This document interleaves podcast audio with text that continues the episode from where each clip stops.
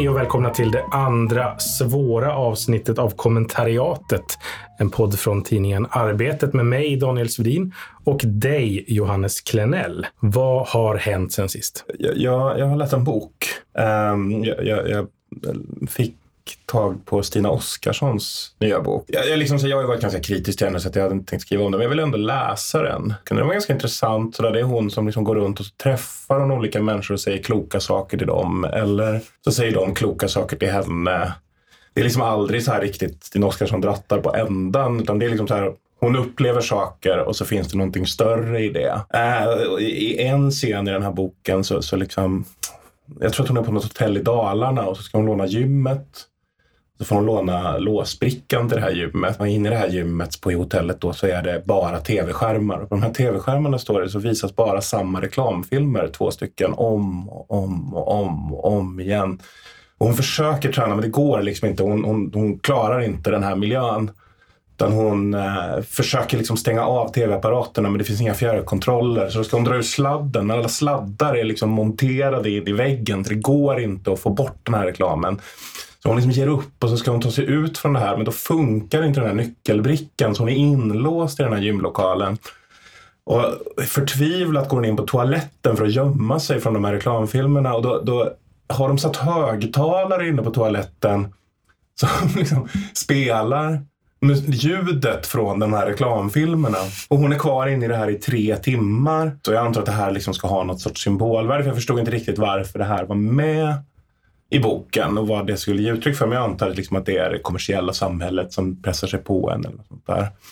Och sen när jag hade läst klart boken så skulle jag gå ut ur lägenheten. Och då ska jag öppna ytterdörren. Och så lyckas jag öppna den några centimeter. Och sen bara tar det stopp. Och jag bara, vad fan är det här? Har grannen typ ställt ut en soffa eller någonting här ute? Alltså någonting står i vägen. och Jag trycker hårdare. Och ju hårdare jag trycker, desto mer sitter dörren fast. Och så börjar jag titta, liksom, så här, vad fan är det för någonting? Liksom? Jag ser inte, liksom, jag får inte känslan av liksom, att det är någonting utanför. Tittar jag ner och då är det någonting som liksom ligger fastkilat under dörren. Så jag inser att jag måste dra tillbaks dörren försiktigt och med foten försöka sparka bort det här. Och så lyckas jag göra det och det här liksom, kuvertet först liksom åker bort. Så öppnar jag dörren och så tittar jag ner. Det är ett paket från Adlibris. Jag öppnar det och då är det Stina Oskarssons bok som ligger där.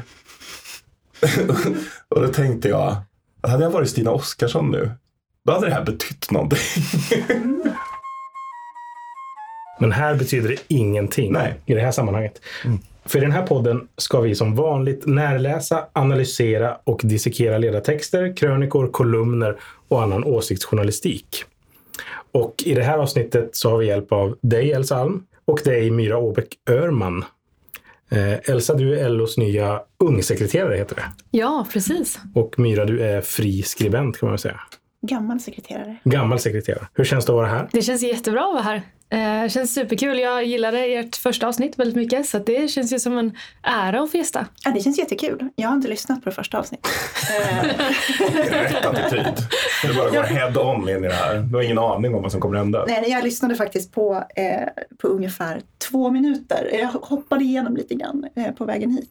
Mm. Men jag, jag har läst mycket av er och lyssnat på tidigare saker. Så jag, känner mig, jag känner mig ganska trygg ändå, måste jag säga. I det förra avsnittet så höll inte Johannes någon sån här monolog eh, som han gjorde nu. Så det här Men är ju... det hade ju inte hänt så här spännande saker då. Nej, precis. Fast du berättade om den andra sidan om ditt möte med Göran Persson. Det gjorde jag.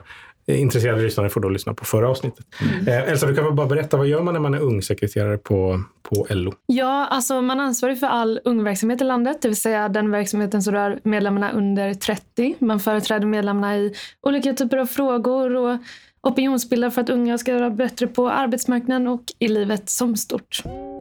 Den här podden har ju också en tillhörande Facebookgrupp och den heter också kommentariatet. Där kan man till exempel tipsa om texter vi borde läsa eller ta upp här. Och texterna som vi ska ta itu med idag, de har faktiskt våra följare kraft att vi ska läsa. Så om du också vill påverka poddens innehåll, då ska du gå med i gruppen. Ska vi gå på första texten?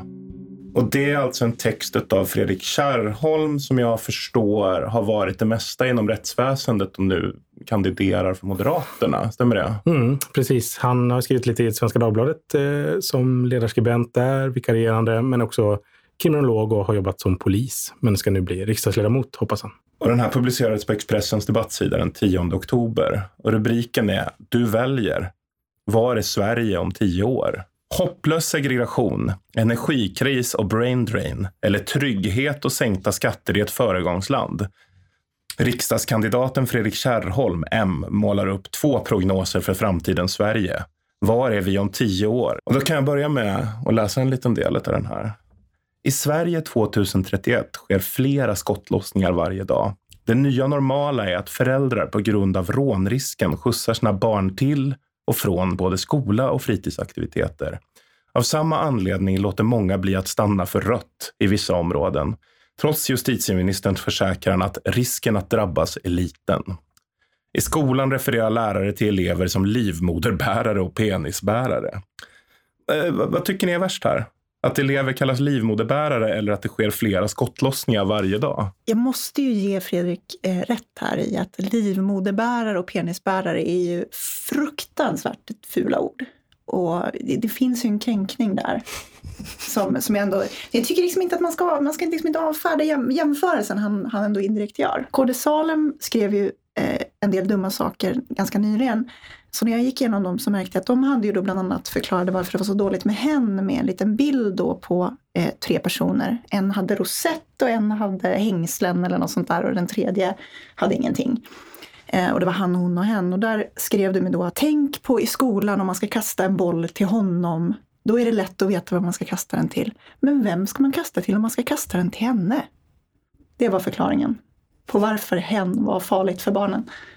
Så jag, tycker, jag tycker ändå vi ska tänka på det innan vi dömer ut det här som någonting ofarligt. Jag tycker det här med rödljusen är lite intressant. Det var en del som jag liksom inte riktigt hade reflekterat över, att man inte ska stanna där när man kör igenom. Men jag kan faktiskt berätta för dig mm. varför det är så. Mm. Eller vart han har tagit det ifrån. Han har tagit det från Sydafrika. Jag var i Sydafrika för 15 år sedan.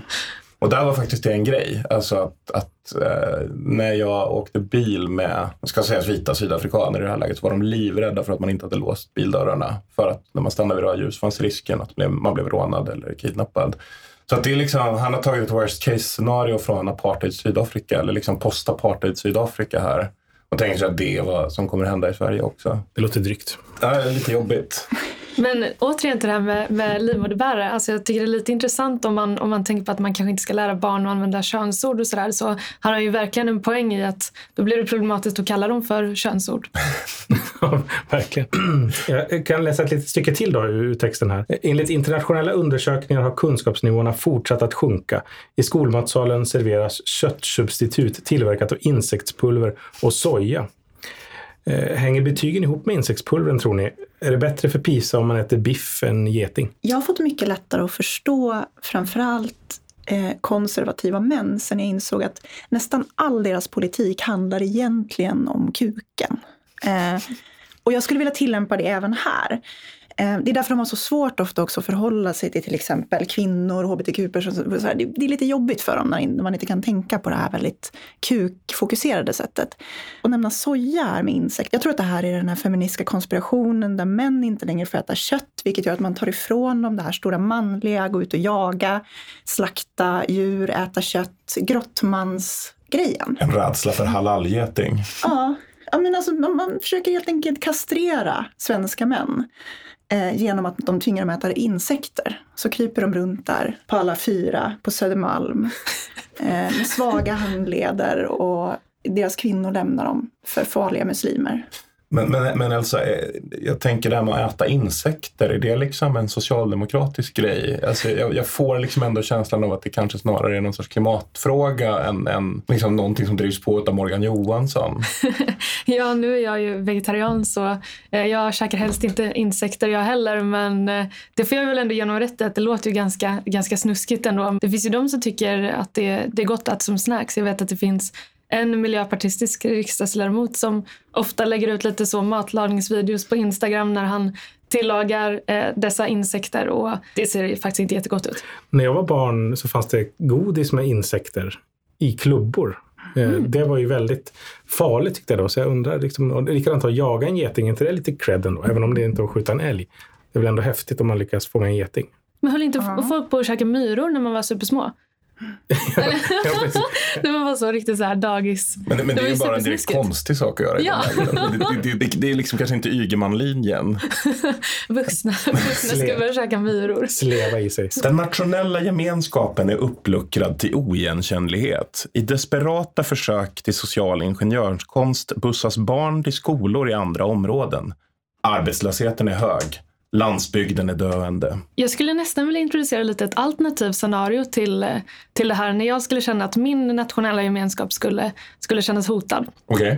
Så jag skulle då vilja introducera Fredrik Kärrholms Sverige. I Sverige 2031 har Moderaterna sålt ut akutsjukhusen. Joakim Lamotte är reporter på Bulletin och vinner Guldspaden för att ha grävt upp att en känd profil på SVT kallade AFS för rasister på sin TikTok som 14-åring. 51%-regeln är avskaffad och IFK Volvo möter Saudiarabien AIK i rivalmöte. De rika bor i gated communities och springer bara på arbetarklassen när deras ungar blir upphämtade av privatchauffören som kör limon till skolan. Och inspirationsföreläsaren John Andreas Gentlemen's coach kör en turné varje år på förortsskolorna eh, med rubriken “Du kan bli vad du vill bara du kämpar” och kastar offerkoftan i backen. Då skulle jag nog känna att min nationella gemenskap var hotad. Det är så mycket som är snott från amerikansk retorik. Det är det jag tycker är roligast med det här, att han ska hålla på och gnälla om det här med uppluckrad nationell identitet. Men egentligen så har de bara fem år efter att vänstern gjorde samma grej snott alla sina talpunkter från amerikansk höger typ allt högre. Fast det är inte det här snarare någon sorts konservatism-bingo tänker jag? Alltså det, är så här, det känns mm. som att han har kört en Pokémon-ingång här utav Gotta Catch Them All. Att det är liksom, han kommer in på vad som helst. Alltså det kan vara arkitekturupproret. Precis, han skriver ju sen att, att eh, när man bygger hus så är det kostnadseffektivt och modernt som är ledorden. Det byggs höga punkthus av betong och stål i asymmetriska former. Jag är ju lite intresserad av arkitektur och liksom det som konservativa personer brukar vara arga på är ju att det är symmetriskt, alltså att det är lådor. Asymmetrin eh, är man ju inte jättearg på. Så jag undrar liksom hur det ska se ut, de här stål och betonghusen i, asymmetriska former. Det där är ju mitt favoritstycke faktiskt ja. i, i den här texten. Eh, just för att det är så konstigt. För att han inleder ju med att klaga på att det är så hög bostadsbrist. Men i nästa mening så klagar han på att sossarna bygger för mycket hus. Mm. Vilket är, fast det är fel hus då. Fula hus. Fula hus. Ja. Och jag, jag, vet inte, antingen så tror, så vet inte eh, Fredrik vad, vad asymmetrisk betyder. Det är min, en teori jag har. Den andra är ju att han inte alls har satt sig in i vad de här arkitekturupproret människorna ogillar. För de ogillar ju generellt de här DDR-bunkrarna som egentligen bara är stora betongklossar. Det är det som jag gillar ska jag säga. Ja, jag tycker brutalistiska eh, miljonprojekt är ganska charmiga personligen. Jag vet inte, alltså, asymmetriskt så tänker jag nästan på de här som de byggt uppe på Sankt Eriksplan. De konstiga höghusen där. De är lite asymmetriska. Ja, ah, det är turning det man menar. Ja, det är det som är problemet. ja, men... Du ska ju inte ha några fler turning torsos. Nej, jag, Miljonprojekt brukar ju inte generellt vara så arkitektoniskt utsvävande. De brukar ju vara ganska symmetriska och tråkiga. inte det hela grejen. Framförallt så är det väl väldigt, väldigt ovanligt att man använder liksom betongklossar i bilden av en ljus utopi. Eller nu, nu gör ju du det Daniel, givetvis. Ja, absolut. Liksom. Alltså, och Göran Persson gör förmodligen det. Jag, jag, jag, jag, kan verkligen se det, liksom, den här drömmen om ännu ett miljonprogram. Mm. Men, men, men jag tänker ändå liksom att de flesta ändå sitter och tänker på Tinnar och Torn och det här vansinnet som liksom de här i arkitekturupproret vill ha utav olika stenhus som liksom inte är kompatibla med någonting annat. Liksom. Nej, precis, är... Ett härligt torg där alla hus är byggda som man gjorde på farfars tid. Och, mm. Eller inte ens farfars tid utan det är liksom så här, vi, vi måste tillbaka till 1800-talet för att hitta liksom som man byggde på när man byggde på riktigt. När det var Visst. vackert omkring en men ingen hade plats att bo i å andra sidan. Mm. Och så kan man väl gå runt och drömma om att man ska liksom promenera runt i någon jävla Bullerby-fantasi. Men, men jag fattar inte riktigt varför han har sådana problem med, med, den tanken i så fall. Alltså för det, det, går inte ihop med hans personlighet. Vet du hur hans, hans hus, för jag vet att han bor på Strandvägen. Vet du hur hans hus ser ut? Nej, det, är det någon som gjort den researchen? Det, det, det, jag skulle säga att det är väl mer symmetri på Strandvägen egentligen. Alltså, det är raka linjer än det är asymmetri. Mer paradgator åt folket. Ja, ja men precis. Men jag blir, alltså, nu blir jag jättenyfiken. Alltså, vad menar han byggs som är asymmetriskt idag då? Det är väl bara de här liksom ja, men vi bygger jättemycket som, alltså nya liksom, stora byggnader i Göteborg typ. Men det är ju sådana här flashiga torn. Liksom. Vad har det gjort med er nationella gemenskap?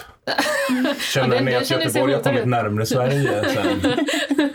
Nej, lite närmare, lite närmare Norge och Danmark skulle jag säga. Det, vi dras ut i Europa med den här arkitekturen. Det är väl farligt kanske. ut i Europa? Mot Norge?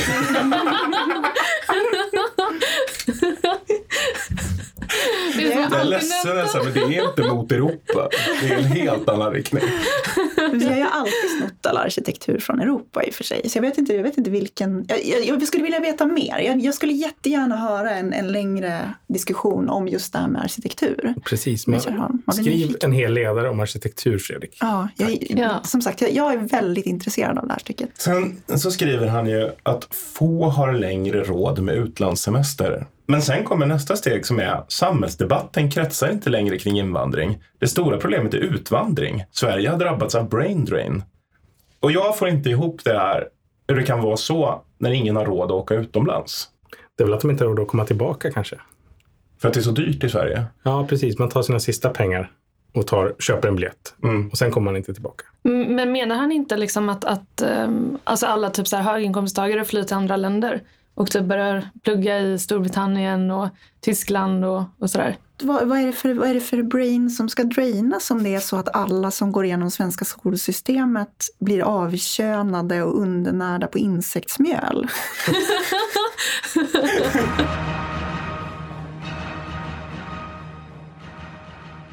Men sen vänder texten och ett annat Sverige växer fram. Mm. Ett gött Sverige. Har ni sett de här moderata delningsbilderna?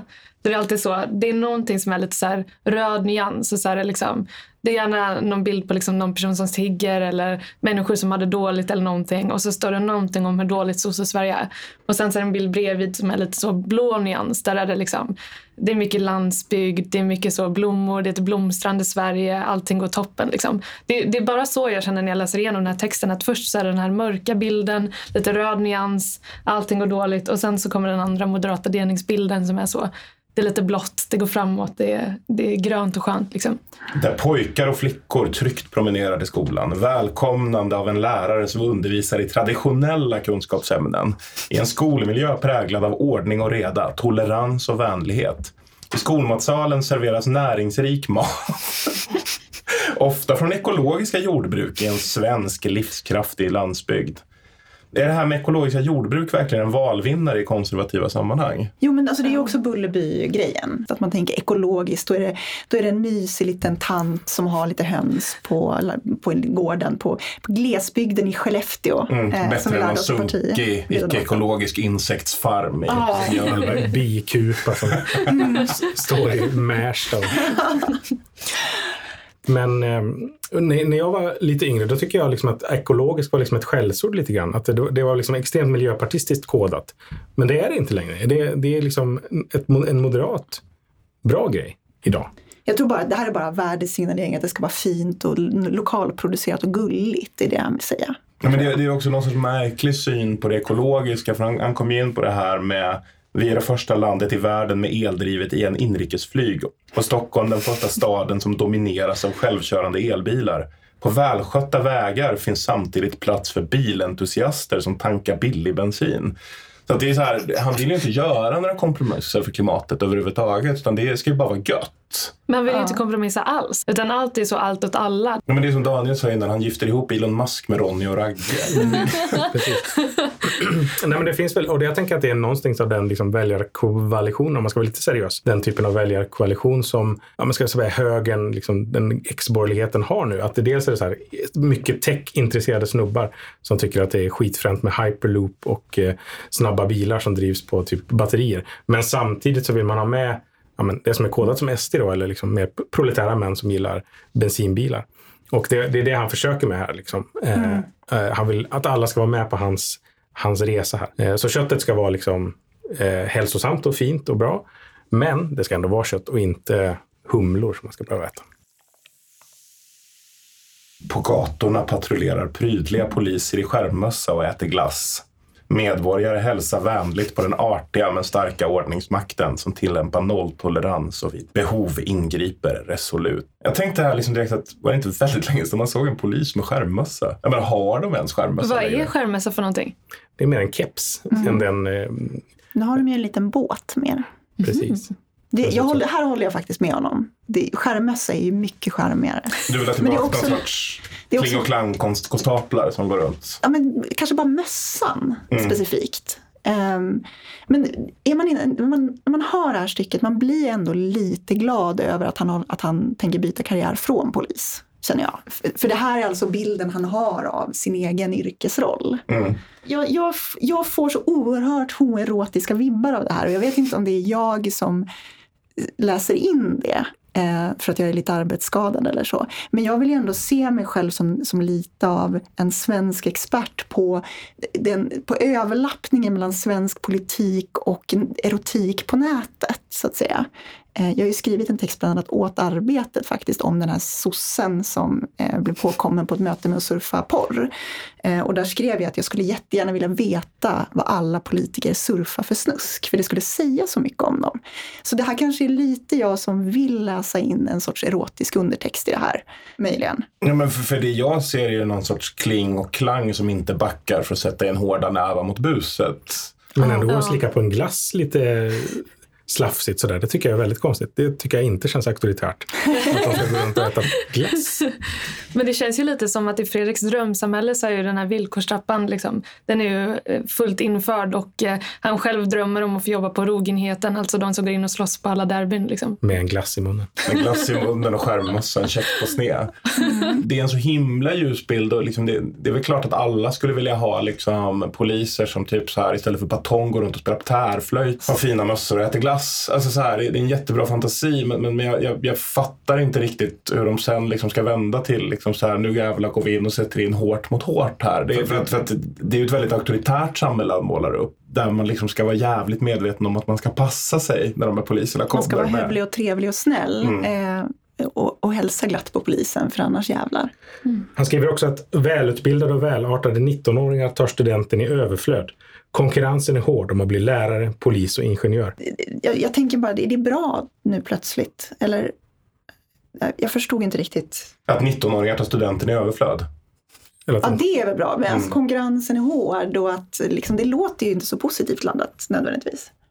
Nej, en mer traditionell eh, eh liksom, marxistisk syn på det där skulle ju vara att det är brist på arbetskraft. Det vore bra mm. eh, för arbetstagarna. Däremot så kan, för samhället kan det ju kanske vara bra att det finns ett stort utbud av poliser att välja på så man slipper ta eh, de som vill äta glass och på sig skärmmössa.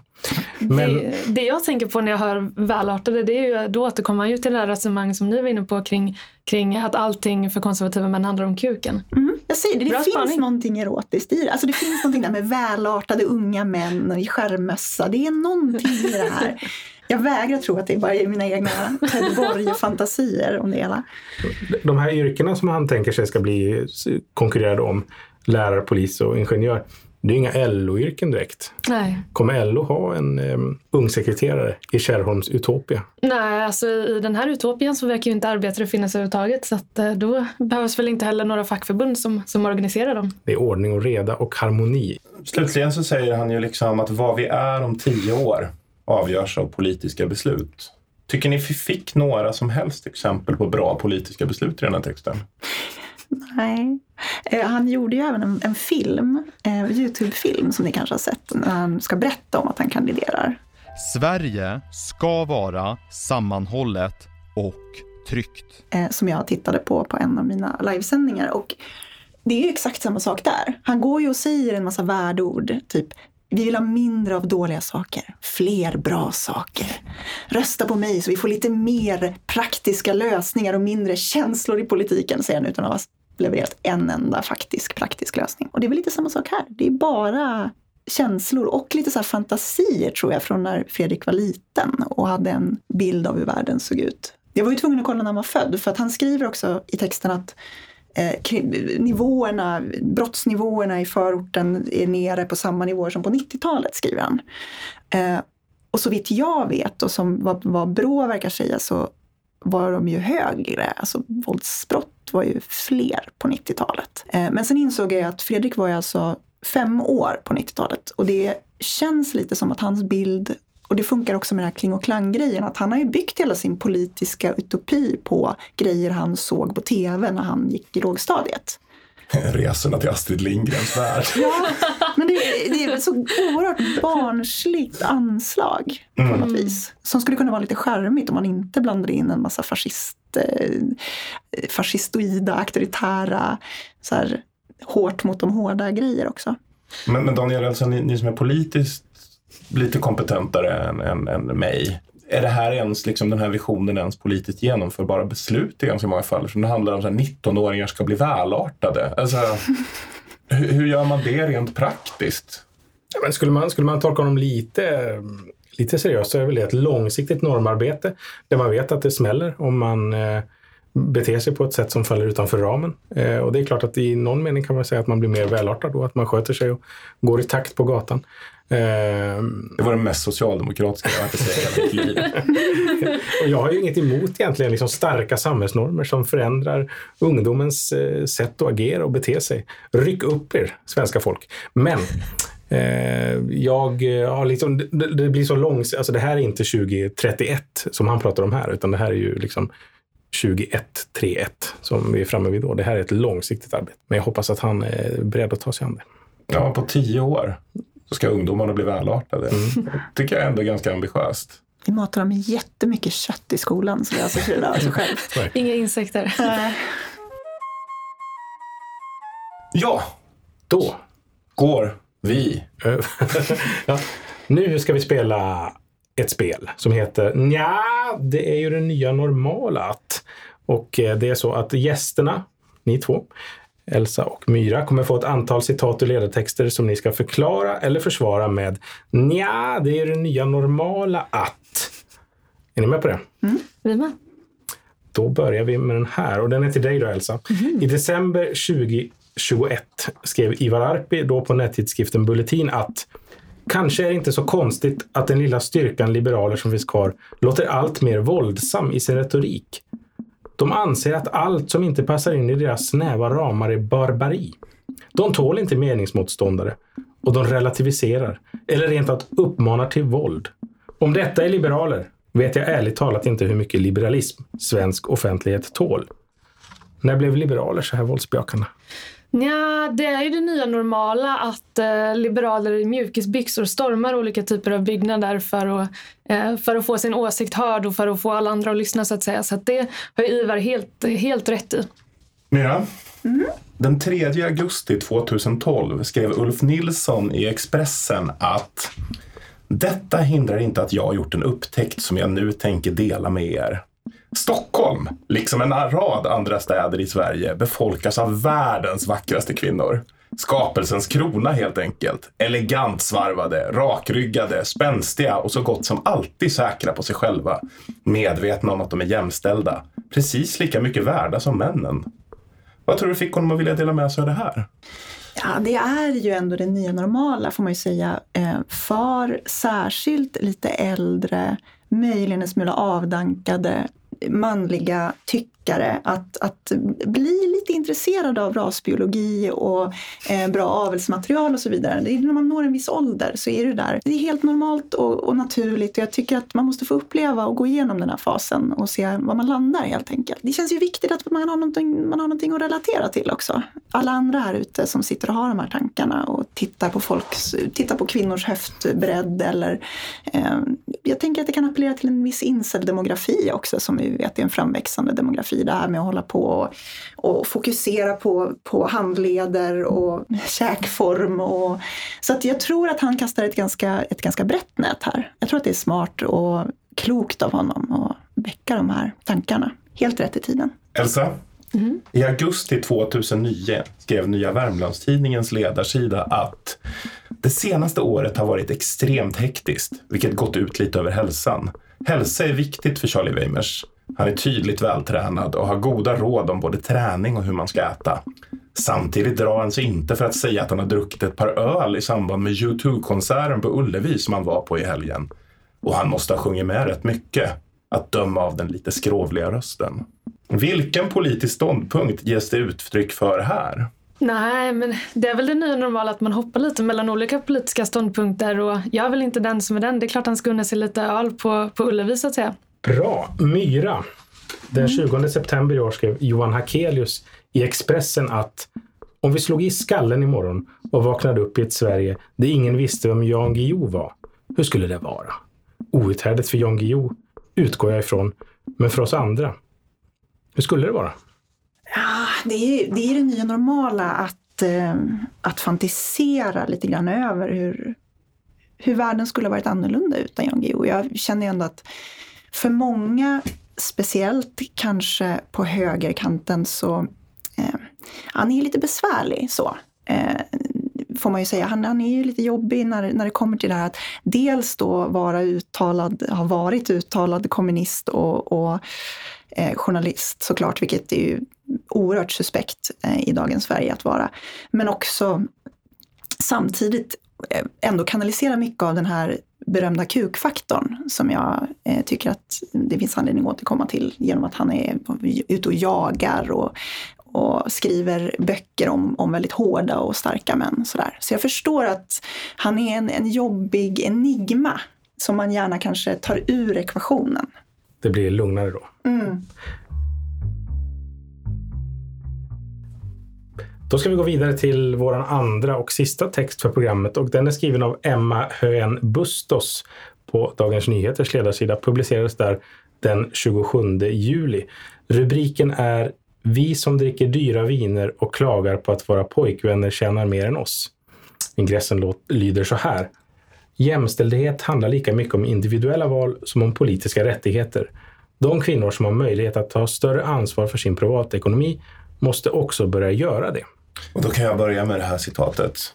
De senaste veckorna har jag varit på en rad möhippor, vinstinna middagar och somriga picknickkvällar med kvinnliga vänner. Återgången till ett socialt liv med de närmaste har fått mig att inse vilken fantastisk tid i livet det är att nästan vara 30. Parrelationer och livsplaner börjar ta mer seriösa former. De flesta av oss har skaffat utbildningar och jobb, ofta välrenommerade sådana med hög status. Nu är vi ett par månader in i ett liv helt utan restriktioner. Är det fortfarande lika fantastiskt att leva tror ni? Nej, men jag blev lite intresserad när, när jag började läsa den här texten för att hon börjar ju verkligen med det här att åh, återgången till ett socialt liv och, och då tänker man ju att nu kommer någonting riktigt kul här. Nu blir det liksom, jag har varit i Köpenhamn och dragit liksom 48 timmars fest. Eh, jag har varit och gjort det här, jag har gjort det här. Nej, nej, nej, utan det är, liksom, det är lite vinstinna middagar och lite kanske möhippor. Och om hon verkligen ska ta i från tårna så är det somriga picknickkvällar. Och då kände jag, fan vad besviken man blir på, på livet innan 30. Är det så här det kommer bli om typ 10 år för mig då? det låter ju inte superkul. Alltså, ska man, ska man vara den som är den så låter det som att hon behöver komma iväg lite, kanske festa lite mer, eh, ut och leva lite. Jag blev lite besviken på leveransen här faktiskt. Det kanske är därför de tänker så fruktansvärt mycket på sin aktieportfölj istället. Mm. ja, det här med karriärsvalen som följde upp. Man vill, man vill ju liksom kasta telefonen rätt genom rummet och skrika liksom ut och ha lite kul människa. Det här är ju supertråkigt. Kan det vara en konsekvens av pandemin att flera börjar tänka på sin aktieportfölj när man inte haft tid att gå ut och supa lika mycket? Säkert. Det, tror, det tror jag absolut.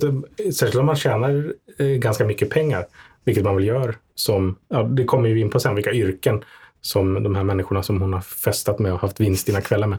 Och även som ledarskribent eh, på liksom Sveriges största morgontidning. Eh, man måste göra något med sina pengar som, man bara, mm, som matades in på ens lönekonto. Vad ska man göra då?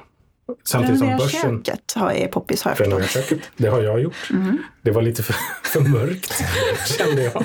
Alla, alla som renoverar sina kök nu blir så här superhånare på sociala medier för att man river ut de klassiska köken och sätter in något så här fult och trendigt. Ja, Fredrik Kärnholm hade inte gillat det här. In med det asymmetriska. Jag, jag, kan säga att det blev ett mycket mer symmetriskt kök och mycket mer återställt till uh, ursprungsligt skick kan man säga. Ah. Men um, Känner ni, att, eller kanske du då Myra, att du omfattas av viet här? Är det en fantastisk tid att vara 30? Cirka. Hon nämner ju inget av det som är fantastiskt med att nästan vara 30. Eh, alltså tycker jag. Vad är fantastiskt med att vara nästan 30? Ja men att man inte behöver göra sån här tråkig skit. Det är väl det som är fantastiskt. Det här är någonting som känns som att om Gudrun Sjödén hade skrivit det så hade det känts så här, ja nu har hon haft det lite festligt. Så. Men att en, någon som är alltså inte ens 30 skriver det får mig att tänka, wow, det här, den här människan, hon skulle verkligen behöva åka och ta alla de här pengarna, bara ta ut alla pengarna ur aktieportföljen. Köpa insektspulver och bara köra. Snorta insektspulver från inoljade strippor i Barcelona eller någonting. Jag vet inte. Alltså, så här, lev lite snälla. Det här låter oerhört deppigt. Nej, sen skriver hon så här att hon inte kan låta bli att tänka på den DN-artikel och då finns det då en blå länk i webb webbtexten som pekar ut ekonomi som ett stort hinder för kvinnor som vill lämna en olycklig relation. Notan för vår livsstil dras nämligen förvånansvärt ofta från våra pojkvänners bankkonton. Jag passade på att läsa den där DN-artikeln som hon refererar till och den handlar om att brist på hyreslägenheter med rimliga hyror gör att kvinnor stannar i förhållanden. Finns det något sätt man kan lägga om sin livsstil för att det ska byggas fler hyresrätter? Ja, det finns väl ett jättelätt sätt att göra det på om man, om man ska tolka henne välvilligt och det är väl att alla ska köpa bostadsrätter såklart.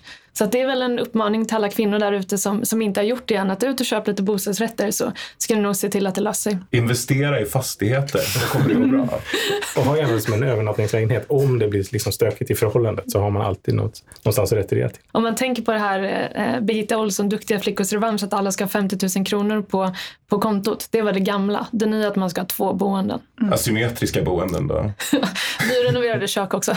Vi är ju lika smarta och drivna som våra manliga vänner. Ändå är det vi som blivit sjuksyrror, socionomer, kulturarbetare och journalister. Ekonomer, statsvetare och jurister som hellre arbetar offentligt än privat. Anställningarna är inte alltid välbetalda eller trygga. Men vad gör det? Jobben är ju givande och fyller oss med syfte. När det kommer till att välja partner däremot råkar det påfallande ofta bli en IT-ingenjör, säljare eller systemutvecklare. Alltså, Fredrik Kärrholm sa just att framtidsyrkena är lärare, ingenjör och polis. Men vad händer med dem? De har inga, inga, ingen att dejta, får man ju anta. De är upptagna med att äta glass och gå runt och titta småleende på män, människorna runt dem. Eller så. Eller så är de redan upptagna. Hon skriver ju här att, eh, att de kvinnliga yrkena de, de fylls med, med, med ett syfte när de arbetar.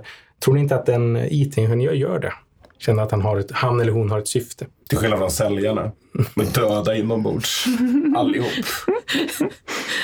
Men det, det, här är så oerhört deppigt. Alltså hela den här texten ger mig den här, så här, någon typ av sekundär ångest för att vara, att vara en delaktig i den här typen av beskrivning av den heterosexuella eh, relationskarusellen.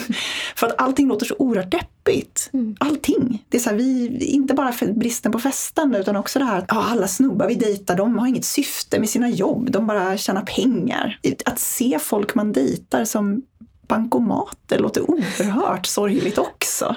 Och mörkt på något vis. Ja men alltså Emma alltså hon brinner ju inte för, eller eh, hon och hennes vänner vill liksom inte träffa någon som så ja, man är supersnygg, jättebra i sängen, eh, jättekul, får en att skratta. Utan det är liksom en systemutvecklare. Alltså, man, man kan ju undra om det här är liksom ett sätt att dränka sina sorger för att man har det så, så tråkigt hemma. Det är kanske lite billigare viner och roligare fester och roligare killar snarare än att Eh, leta efter ett yrke eller någon som prickar i alla ens boxar så att säga. Mm. Män som ser mening med sitt yrke är väl i och för sig det absolut tråkigaste som finns. De är helt outhärdliga oftast. De pratar inte om något annat, de gör inget annat. Alltså det, det, är så jävla roligt det är inte att träffa en liksom, manlig konstnär. Eller liksom. Pratar du om dig själv nu Nej, men fan, Jag är pisstråkig på det sättet. Liksom. Nej, men det var en tjej jag dejtade förra året. Liksom, du, du är en hyfsat trygg investering men man är ganska medveten om att du kommer inte fatta ett enda beslut som kommer anpassa sig på något. Det var ju kul att höra så här, två veckor in i relationen men vad fan nu kör vi. Liksom. Hade hon fel? Nej, hyfsat rätt. Du sa dejtade. Det, det tog slut sen? Det tog slut. Nej men det, det, det är liksom folk som söker mening i livet är ju ganska överskattade, eller? Det är liksom... Ja, men ha, en, ha en meningsfull sysselsättning känns ju ändå som någonting som de flesta mår bra av. Mm. Och, och, det känns som att om du beskriver liksom alla män du träffar på, eller snarare alla män du ser som potentiella partners kanske vi ska säga. Om alla de i dina ögon går runt och bara inte har någon, ser någon mening i det de gör på dagarna. Jag, jag, tänker lite grann på den boken du skrev om alltså Margot Dietz eh, erotiska utsvävningar. Mm. Jag måste ändå säga att det är bättre om folk har lagt all sin tid på en aktieportfölj istället för att sätta sig och skriva erotiska romaner under karantän. Eh, så att kanske hon skulle gjort det istället. Men där är också någonting oerhört deppigt med det här att alla män är någon typ av, av så känslolösa eh, brottslingar hela mm. tiden. Mm. Jag undrar verkligen hur, hur den borgerliga kvinnligheten mår. Alltså, det känns inte som de har det så kul. Få en liten inblick i, i den här då situationen. Det är så tråkigt med aktier, påpekar en av mina väninnor som hellre läser skönlitteratur på fritiden än håller på med pengar, inom citationstecken. Samtidigt visar undersökningar att få kvinnor kan tänka sig en partner med lägre utbildnings eller inkomstnivå än de själva. Så förstärks idén om den manliga försörjaren. Män behöver pengar för att framstå som attraktiva partner medan kvinnor kan välja yrke utifrån andra drivkrafter. Vad är det för fel med att läsa böcker? Inget fel alls med att läsa böcker men det är ju verkligen svintråkigt med aktier. Det kan ju inte någon säga någonting annat om. Och jag, nu kanske det blir lite anekdotisk bevisföring men jag vet inte var den här myten om att män skulle vara så himla bra på privatekonomi kommer ifrån. Jag kommer ihåg, jag dejtade en kille när jag gick i gymnasiet och fick så här studiebidrag och han liksom jobbade ändå heltid och sådär, var lite äldre. Eh, och fan, han brände ju sina pengar på två utekvällar i början på månaden. Liksom. Och sen, sen så var det jag som skulle köpa cigg i slutet på månaden. Liksom. Ja, men det fattar. Eh, och det är det är lite så, jag skulle inte säga att män är kanske så bra på privatekonomi utan de är lite mer så bra på intressen. Eh, och när de väl skaffar ett intresse så blir det en livsstil. Kommer du ihåg den här mannen i, i Lund, vad hette han, Reaktors-Rickard eller mm. någonting? Som liksom blev lite intresserad av kärnkraftsverk eller kärnkraft och sen byggde en reaktor i sitt kök. Liksom. Han skulle göra eget plutonium. mm. Ja men exakt, alltså när män får intresse så går de in i det så blir det liksom hela livsstilen. Och så är det med alla snubbar som skaffar ett Avanza-konto också. Snart så sitter de ju där på kvällarna och uppdaterar och, och liksom kan inte sluta prata om någonting annat. Så det... Skriver trader i sin Twitter-bio, det är helt outhärdligt. ja, och har så liksom amfetamin och krypto som sina två favoritintressen. det, det kommer ju väldigt snabbt med mansrollen på något sätt. Varken höger eller vänster står också i... och då är man alltid höger. Mm. Det, det, är klart att det där finns någonstans. Alltså det, det är så här, en kille som börjar liksom odla cannabis börjar med en kruka och slutar med liksom rejäla hembeställningar. Då börjar man börja liksom installera folie på väggarna i källaren. Alltså det, det, liksom, det kommer ju naturligt med varje manligt intresse. Alltså, mm. Det räcker med att män börjar med krukväxter så garanterat så kommer hela jävla lägenheten fyllas med skiten och sticklingar. Och, så är det alltid. Sådär, liksom, Eller gamingdator i vardagsrummet. Det är det som är, kan vara så oskönt med, med, med hur män närmar sig intressen. Just att det kan aldrig vara så här, jag tycker att det är nice med öl, utan det måste vara Eh, nu ska jag bara prata om, om specifikt nördigt hantverksöl och det är det enda jag tänker prata om någonsin eh, tills jag tröttnar på det här. En, en, ett intresse som alla killar har är ju också andra världskriget. Mm. Så det finns ju några sådana som är, det är krypto, det är eh, andra världskriget. Men det som är så bra med andra världskriget är att här, allt man vill veta om människan, det liksom utspelar sig i, okay, liksom under Nazityskland i alla fall från 33 fram till, 40, till 45. Allt man vill veta om människan. Det, jag har aldrig hört en kille låta så trygg i sin mansroll som du. men, men den här grejen med, med, med, kvinnor som har svårt att hitta partners i sin egen sociala klass. Det verkar faktiskt vara en grej, för det har ju debatterats en del på kultursidorna. Min, min chef på Svenskan, Lisa Irenius, har skrivit om det bland annat. Och jag blev, jag blev lite förvånad av det. Eh, alltså, jag, jag fattar att det finns vissa socialgruppstänkare. Jag har också sett grabben i graven bredvid och bla bla bla. Alltså, så här, liksom, det, det, det, finns säkert där. Men å andra sidan ser jag från landsbygden och, och min erfarenhet är att tjänstemannakvinnor som flyttar ut med sin familj på landet, de dumpar sin akademikerman ganska snabbt och blir ihop med en hantverkare för att det är så jävla mycket göttigare. Alltså, det, det, det, vi kommer fram till här någonstans är att den här systemvetaren kanske inte hittar det rika inre livet i sitt jobb utan snarare i sin Warhammer 40K-samling där hemma. Eh, så, alla möjligheter finns ju här men, men, men, men, jag förstod inte det där eller också är det en urban grej. Jag, jag vet inte, har ni upplevt det här? Liksom? Nej, alltså jag, jag känner ju inte igen mig så mycket i den här bilden av att alla skulle vara besatta av eh, att man inte kan dejta en man som har liksom ett sämre jobb. Eh, men, men det säger nog kanske mer om mitt umgänge. Skulle ni kunna komma hem till mamma och pappa i, med en proletär? Ja, jag tror, alltså jag tror att det skulle vara jobbigare för dem om jag, det har jag i och för sig gjort, släpat hem en, en moderat med backslick. Jag, jag tyckte mest att det var jobbigt faktiskt det finns väl någonting i det här att, att opposites attract. Och är man nu en tråkig systemutvecklare eh, som tjänar jättemycket pengar så tycker man kanske att det är nice att ha någon som fixar picknick i någon park ibland för att man inte bryr sig om det. Det kan ju också vara så att om man är fullständig fuck-up kan det ju vara rätt skönt att bli ihop med någon som är helt grå och tråkig. Alltså, mm. Som bara är någon som rankar i tillvaro, mm. tänker jag. Liksom. Som sitter på Avanza hela nätterna. Handlar i ethereum. Sitter vi liksom börsöppning klockan nio och uppdaterar uppdaterar. Nej, alltså jag har aldrig varit med. Jag, jag, tycker verkligen inte det är ett problem och inte i mitt umgänge heller. Alltså, jag känner ingen tjej som är så, åh jag skulle inte kunna dejta någon som tjänar mindre än vad jag gör eller liknande. Eh, utan eh, oftast så vill man ju helst eh, träffa någon som är snäll, rolig, ser bra ut. Alltså har de fördelarna liksom yrke är nog ganska sekundärt ändå.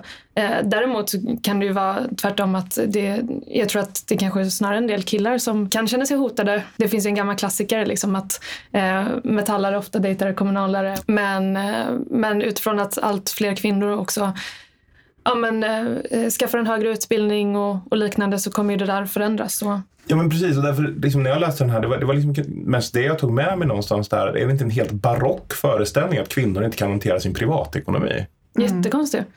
Men det, eller jag kan förstå var det kommer ifrån. Nyligen så var det en influencer som firade tre år med sin, med sin kille. Och på treårsdagen så, så fick hon en fond som han skulle förvalta under tiden de var ihop. som han skulle förvalta? Och det var så roligt med en gullig instastory bara Oh my God, jag är så tacksam. På, min, på vår treårsdag så fick jag en, en fond eh, som han ska förvalta och lägga in pengar i. Och den kommer jag få plocka ut pengar från. Eller någonting. Fan vad osexigt. Ja, alltså jag blev så här. Jag hade ju gett personen en utskällning och gått därifrån tror jag. Ja, för antingen så känns det som att man har fått en överförmyndare. eh, eller... Omyndigförklarad på ja, ja. Du har lite svårt med det här älskling så jag tänker att jag tar över dina bankkonton nu. Det är väl gulligt på vår treårsdag. Så här, betala dina räkningar och så. Eh, antingen är det en förolämpning eller så är det ju bara jättetråkigt som present. Jag kollade upp eh, vad kvinnor anser vara den sexigaste yrke som en man kan ha. Det här är ett år gamla siffror som jag förstod det och eh, det är en dating som har gjort det här. Snickare 34 procent. Brandman och polis hamnar lika 19 procent. Läkare 11 procent. De som säger snickare istället för IT-ingenjör, hoppas de att han handlar med aktier så att han har mycket pengar? Nej, men alltså jag tror att man, det man gör, det här felslutet som man verkar göra här, det är ju att man man har förmodligen en poäng i att man, eh, kvinnor ofta söker sig till eh, män som har någon typ av ekonomisk stabilitet eller kanske till och med psykisk stabilitet när man är riktigt, eh, Eh, riktigt höga krav. Eh, men, men alltså det är du har ju mycket mer stabil ekonomi som snickare. Och det är det som är lite märkligt att eh, man kommer ofta med den här liksom, man lyfter upp exempel på liksom systemvetare, IT-tekniker, alltså snälla alla de här har ju liksom massvis med studieskulder och liksom hela den biten. Alltså snickare känner för det första svinbra och har liksom anställningstrygghet och jättemycket liksom, eh, yrkesmöjligheter och dessutom en väldigt stark yrkesstolthet. Mm. Så det, det, är också en så himla skev bild av hur liksom, arbetare ser sig själva och hur man ser på arbetare generellt. De verkar ju inte liksom, ha någon i sin krets som inte har typ högskoleutbildning och det kanske man skulle bredda sig lite från. Vad tycker du om klassperspektivet i den här texten egentligen? Ja, alltså, jag, om det är någonting som liksom gnager lite i mig genom hela den här texten så är det verkligen den här ja, men gör ett annat val, få ett annat resultat. Politiken som jag blir så jäkla irriterad på. Alltså det, det spelar ingen roll om man så här, säger åt kvinnor att liksom välja andra yrken eller säger liksom att för fan din idiot du valde fel skola, nu får du skylla dig själv för resten av livet. Och även om de här två personerna hade liksom samma förutsättningar som början så kommer det inte bli samma resultat. Och då har vi som samhälle eh, även skyldigheter att se till att man eh, ser till att båda kan leva ett så gott liv som möjligt. Att ingen ska liksom behöva slita ut sig på jobbet, att ingen ska behöva känna att man går från jobb till jobb, att det finns en grundläggande anställningstrygghet, att man får pension. Att man kan ha det gött helt enkelt. Och det är väl det som gör mig så irriterad. Att så här, det finns bara ett gott liv och det kan man bara välja sig till om man gör rätt val och alla andra får bara skylla sig själva. Det är idiotiskt tycker jag. Jag tänkte faktiskt också på det. Är det verkligen upp till aktiemarknaden att lösa de här jämställdhetsproblemen? alltså, det, det, det är också en helt bisarr idé om att marknaden kan lösa vad som helst. Tjejer, om ni bara skaffar en vettig aktieportfölj då kommer ni få ordning på det här.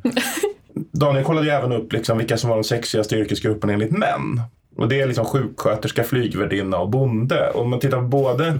Bonde tycker jag är roligt. Ja, men jag tycker det är hett. Det är ju sexigt. Ah. Jag hade aldrig gissat Nej, på tror jag. Flygvärdinna också. Vad är, har de bara frågat så här, folk mellan 55 och 65? Det här låter ju som en dålig Siffrorna är från porrfilm. 1954.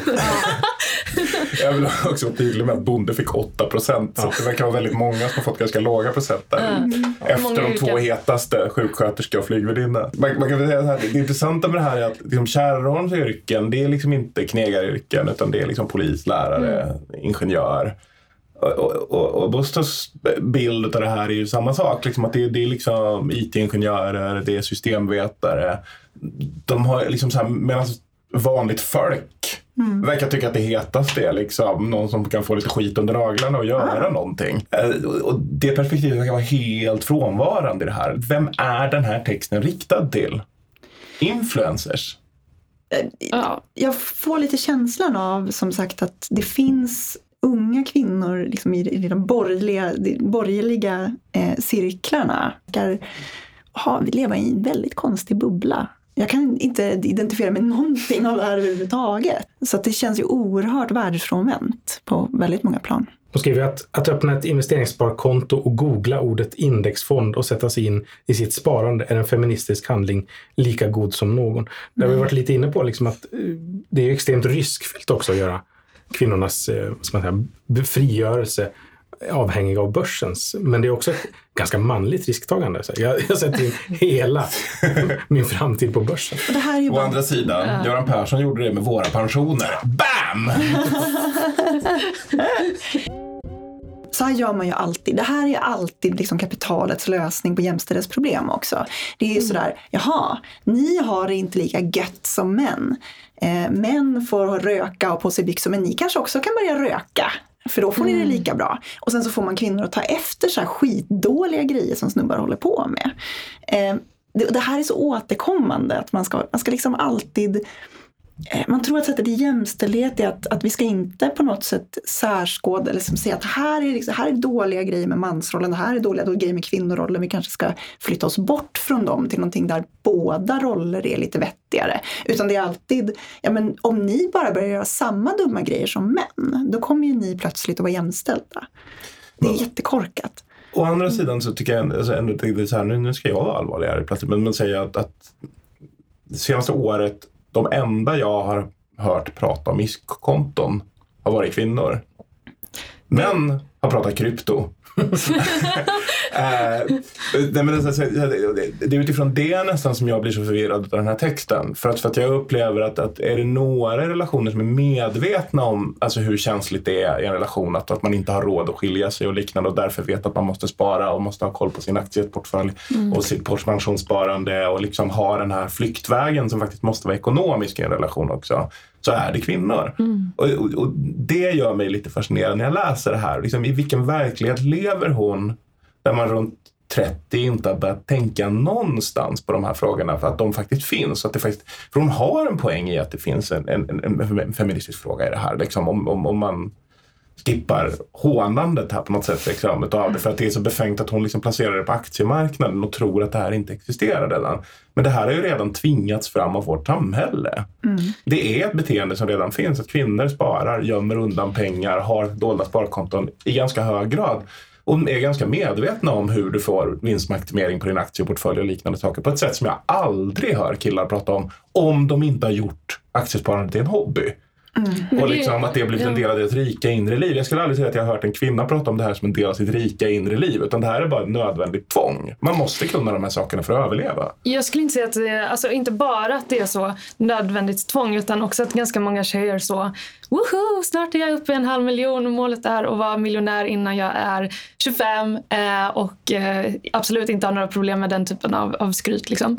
Eh, och jag menar så här, visst det är väl superbra att liksom, tjejer sparar och det är väl eh, toppen men jag har fortfarande jättesvårt att så här, individer ska lösa jämställdhetsfrågan och att man lägger över den frågan på individen och inte ser liksom, till de strukturella frågorna så som att ja, men om många kvinnor väljer ett yrke så, eh, så blir löneutvecklingen sämre, man får sämre arbetsmiljö, man får mer otrygga anställningar.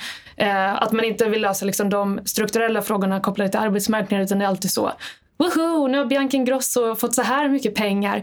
Eh, gud vad duktig hon är, det här ska vi hylla. Och så lägger man ut en hashtag djurparken på Twitter. Typ. Eh, det är någon så här aktiegrej. Det är också enormt historielöst tycker jag att låtsas som att just eh, hushållsekonomin inte typ alltid har varit kvinnornas ansvar, även mm. i de mm. traditionella könsrollerna. Jag menar, det var ju liksom det är kvinnor som har sett att, att hushållets ekonomi fungerar mm. alltid. Mm. Um, så att det är mycket märkligt det här tanken att när, när blev och var kvinnor som grupp totalt ekonomiskt inkompetenta undrar jag? Det är jätteintressant för jag tänker att, att när, när jag läste Maud Olofssons självbiografi Jag är den jag är så är det helt uppenbart att hon är medveten om, om den här frågan. Liksom, och att den ligger i liksom, den traditionella centerpartistiska liberalismen någonstans. Att kvinnors enda väg till att göra sig fria i det gamla samhället var just att syssla med handel. Alltså att man gjorde saker och gick och sålde dem i gårdarna och liknande. Mm. Och därigenom så finns det en begriplig anledning till varför Centerpartiet är för liksom, alltså så här, den fria marknaden och sådana saker och ser den som feministisk. Det finns faktiskt en historisk liksom, bakgrund till detta som är helt begriplig om man är uppvuxen på landsbygden. För att det var så många kvinnor kunde frigöra sig. Eller liksom ha en egen ekonomi även om du levde i liksom det gamla bondesamhället. Men här är det som att man har glömt det alltså så här, och bara gått vidare. Och det, det fascinerar mig ganska mycket. För den generation kvinnor vars feminism mest har präglats av slagord på tygpåsar och kroppspositivism på Instagram kan detta vara värt att påminna om. Tror de verkligen att kroppsaktivister inte har något bättre för sig än att läsa ända hit? Ja, jag, jag, tycker bara att det är roligt att hon tycker att man ska byta ut en typ av eh, så flum, flummig identitetspolitisk Instagramvänlig feminism för en annan. För det är det hon gör ändå. Mm. Det är inte det här liksom gå ut och gör någonting åt de strukturella problemen. Engagera dig i ditt lokalsamhälle, prata om bostadspolitiken. Utan det är, det är liksom skaffa en egen aktieportfölj så att du kan lägga upp girlboss-bilder på Instagram. Organisera sig fackligt, också bra mm. till exempel. Ja, vi kanske ska knyta ihop säcken där. Eh, så här i efterhand, hur kändes det här? Ja, vad kul. Mm. Man, man, det finns så mycket dumt i de här. Ja. Speciellt Kärnomtexten känner jag att man, man, så det är nästan varje mening. Mm. Så ja, det var svårt att ta citat ur. Ja. För att Allt. man hade kunnat läsa den högt bara. Ja. Har ni lärt er någonting? Uh. Om er själva eller om världen som den ser ut? Ja. Vad har ni lärt er av att läsa de här texterna? Oerhört glad över, eh, trots att jag inte är eh, bra på ekonomi, så är jag oerhört glad över att jag varken är rik eller höger. Det låter supersvårt. jag har faktiskt lärt mig en sak av Myra idag och det är att eh, alla konservativa högertankar eh, som kommer från snubbar har eh, med att göra med Q-komplex. Så att, eh, jag tackar för den insikten. Ja, och med de orden så tackar vi Mia och Elsa. Och alla ni som har lyssnat, glöm inte att gå med i Facebookgruppen och vill tipsa om texter eh, som ni tycker att vi ska ta upp. Vi är tillbaka om två veckor, Daniel. Ja. Och då har vi ingen aning om vad vi ska läsa än. Precis, vi vet inte vilka gäster vi har, vi vet inte vilka texter vi har. Mm. Men vi kommer tillbaka. Tack så mycket. Hej då. Tack. Hej då.